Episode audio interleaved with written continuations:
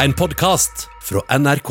Nå har det gått syv-åtte uker siden viruset for alvor kom til Norge. Mye har skjedd siden da, og du og jeg, Morten Munkvik, har ikke engang hatt anledning til å snakkes. Nei, det har eh, vært stille. Hvis jeg spør deg, radiolegen vår, hvordan Ja. vil du beskrive det som skjedde? Du, det har vært en eh, veldig spesiell reise, dette her. Eh, fra det begynte så vidt i Asia til å slå inn over Europa, så gikk det jo ikke opp for folk helt hva dette her var. Jeg sjøl skulle på en kongress i USA. jeg 13. eller 14. mars skulle jeg dra, den helga der, til Orlando. Og det var fram til torsdagen før så var det sånn at jeg skulle dra. Hva har gjort mest inntrykk? Ja, Det har vel vært det at vi i en helsekrise på et fastlegekontor må permittere folk fordi at folk ikke dukker opp på Så det er det som har gjort mest inntrykk på deg? ja, Folk slutter jo ikke å være syke, sant?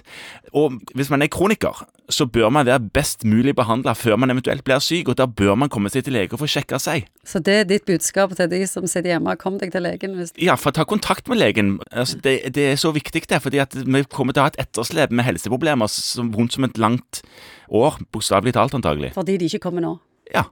Hadde du trodd at noe sånt skulle skje, sånn egentlig? I gamle dager så underviste jeg i noe som heter medisinsk historie.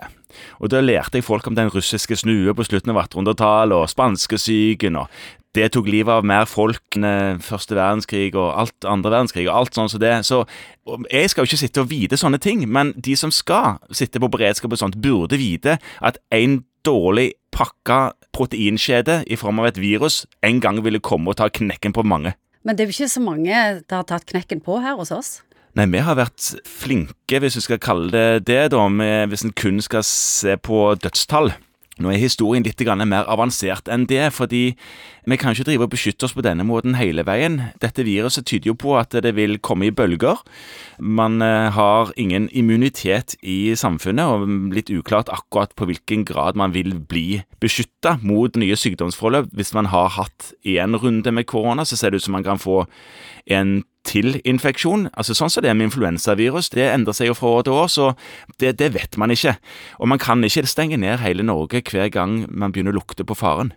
I begynnelsen var det mye snakk om de underliggende sykdommene som eh, var farlige for korona, og dette utvikla seg jo. En visste jo ikke hva er status nå? Hva er de farlige underliggende sykdommene? Man vet jo ikke helt der det er ennå, men det er kronisk hjertesykdom, høyt blodtrykk, diabetes, kols og alvorlig astma. Vekt synes å ha en eh, risiko i seg sjøl. Røyking lurer man jo på alltid om er en risiko, men man har ikke helt klarlagt dette her. Og i tillegg selvfølgelig er høy alder en isolert risikofaktor. Hvor lenge vil vi slite med dette?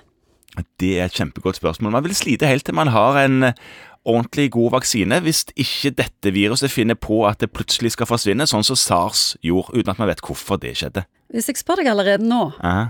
gjorde vi ting riktig? Ut fra forutsetningene så gjorde vi ting så riktig som vi kunne, men jeg tror ikke at vi vil gjøre det samme en gang til. Du har hørt en podkast fra NRK.